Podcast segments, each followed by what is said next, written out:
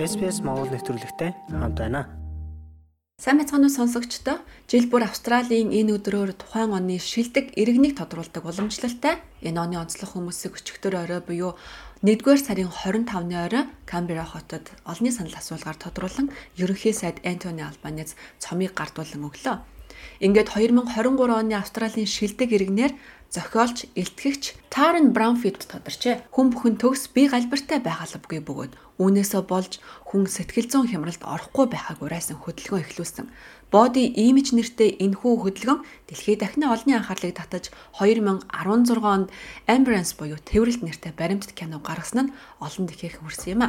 Ингээд хөдөлгөөн зөвхөн эмэгтэйчүүд том хүмүүсийн биеийн галбар төдийгүй 2022 оноос хүүхдүүд ч бас биеийн төрх хэлбрээсээ болж бусдтай харьцуулагдаж доромжлол хүртэх ёсгүй гэсэн санааг дэлхийд дахинаа түгээсэн юм. Тарен Браунфилд бол өдгөө 45 настай өмнөд Австралийн иргэн юм байна.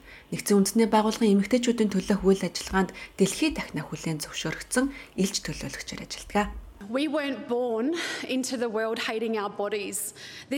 Бид энэ хорвоод өөрийн биеэ үзэн ядах гэж төрөөгүй. Энэ бол гадаад ертөнц биднийг ингэж сургаж зааж өгч байгаа зүйл юм. Өөрийн төрсэн биеэсээ болж доромжлуулах, өөрийгөө голох асуудал дэлхийн нийтийн асуудал болжээ.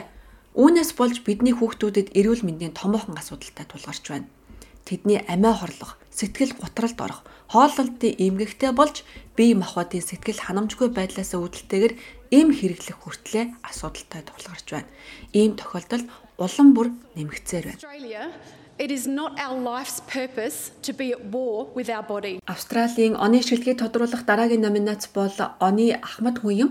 Ингээд хүний эрх нийгмийн шудраг ёсны төлөө тэмцэгч профессор Том Калма 2023 оны Австралийн шилдэг Ахмад наснаар тодорлоо. Тэрээр 45 жилийн туршид орон нутаг, олон нийт, мууч олон улсын түвшинд Абриген болон Торресын хоолын ард түмний эрх ашиг сайн сайхны төлөө тэмцэж ирсэн. Австралийн уугуул болон уугуул бус хүмүүсийн дундаж наслалтын зүрэг арилгахыг Австралид уриалсан түүний уриалга олонний анхаарлыг ихэд татсан юм а. Australia's only ever known a system where Indigenous peoples are treated as problems to be solved. Австралчууд уугуул иргэдийг шийдвэрлэх ёстой асуудал гэж үзэж байснаас хамтрагчид эсвэл хувь заяагаа хамтдаа шийдэх хүмүүс гэж харж байсангүй.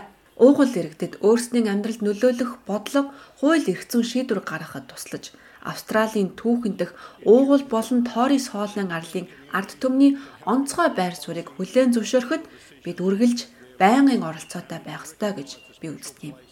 Of Aboriginal and Torres Strait Islander peoples in Australia's history. Оны онцлог залууг мөн тодрууллаа. 2023 оны онцлог залуугаар хөл бөмбөгчин Авир Мабил тодорсон юм а. Мабил бол дөрвөсдийн эрүүл мэнд, боловсрал, гендрийн тэгш байдлыг сайжруулах зорилготой ашигын бус байгууллагыг үүсгэн байгуулагчдын нэг юм. Өчигдөр оройн шагнал гардуулах ёслол тэрээр биеэр оролцож амжаагүй. Европт багаараа байгаа учраас урьдчилан ирүүлсэн бичлэгээр мэдчилгээ төвшүүлжээ. You know, Australia gave me and my family that opportunity to to to follow our dreams. I reached out. Um, Австрали улс надад болон манай гэр бүлд мөрөөдлөө биелүүлэх боломжийг олгосон. Би хөл бөмбөгийн гэр бүлээ эндээс олж, утал цуглуулж түүнийгээ дөрвөсдийн хуаранд аваадсан. Би яг ийм газар төрсөн юм. Энэ компанид ажил маань хөл бөмбөг төдий зүйл биш болсон. Хөл бөмбөг бол үндэс суурь нь. Гэхдээ бид эмнэлгүүдэд тусалдаг, охтын тэгшэрхийг хамгаалах, хүний амийг аврах инкубаторыг хандуулсан зэрэг нь бидний хийсэн хамгийн том зүйл юм. Are helping save lives, and that for me is the biggest uh, thing that we have we have ever done. Turbans for Австралийн үүсгэн байгуулагч Синх Камбера хотод болсон 2023 оны Австралийн шилдэг хүнийг шалгаруулах ёслолын үеэр Австралийн орон нутгийн баатараар тодорлоо. 41 настай тэрээр өөрийн өвөрмөц хэлбэртэй сахлаасаа болж арьс өнгөний доромжлыг амссны дараа сайн дурын байгууллага байгуулжээ. Turbans for Australia бол хүнсний савлгаа хүргэлт хийдэг компани. Гэхдээ эдний 2015 онд байгуулагдсан цагаас хойш яаралтай тусламжийн бараа хэрэгцээтэй хүмүүст тээвэрлэн хүргэдгээрээ Австрали даяар алдартай болжээ. Ноён Стин хэлэхдээ бусдад туслах нь шашин шүтлэг хэл соёлоор хязгаарлагдах ёсгүй гэжээ. It's my dream to see Australians from all faiths and all backgrounds treated equally. Шашин шүтдэг хүний хувьд би ямар ч шашин шүтлэгтэй гарал үүсэлтээс үл хамааран бүх австралчуудад тэгш ханддаг байгаасаа гэж хүсдэг. Би хэн нэгнийг өөр соёл, шашин, дүр төрхтэй байгаагийнхаа төлөө дорд үзэгдэх, доромжлуулахыг хүсэхгүй байна. Бид бүгдээрээ хүн төрлөختөн. Бид бүгд улаан цустай. Бид өөр үндэстэн, усаатай, цагаачдын хувьд хүн бүрт өөрсдийн соёл уламжлалтай танилцах үүд хаалгыг нээх нь бидний үүрэг гэж үздэг юм аа to make sure they can learn about our culture and our values and our traditions. Энэхүү жилбэр шалгаруулдаг оны шилдэгүүдийг өчигдөр орой тодруулан олон нийтэд танилцууллаа. Дашрам дуртахад энэ шалгаруулалт Australian Day Австралийн засгийн газрын үүсгэн байгуулсан ашигын бус байгууллагаас зохион байгуулдаг юм байна. Өнөөдөр болж байгаа Australian Day-тэй холбоотой мэдээллийг сонсохыг хүсвэл та манай дараагийн нэвтрүүлгийг хүлээн авсан сонсоорой. SBS A World of Difference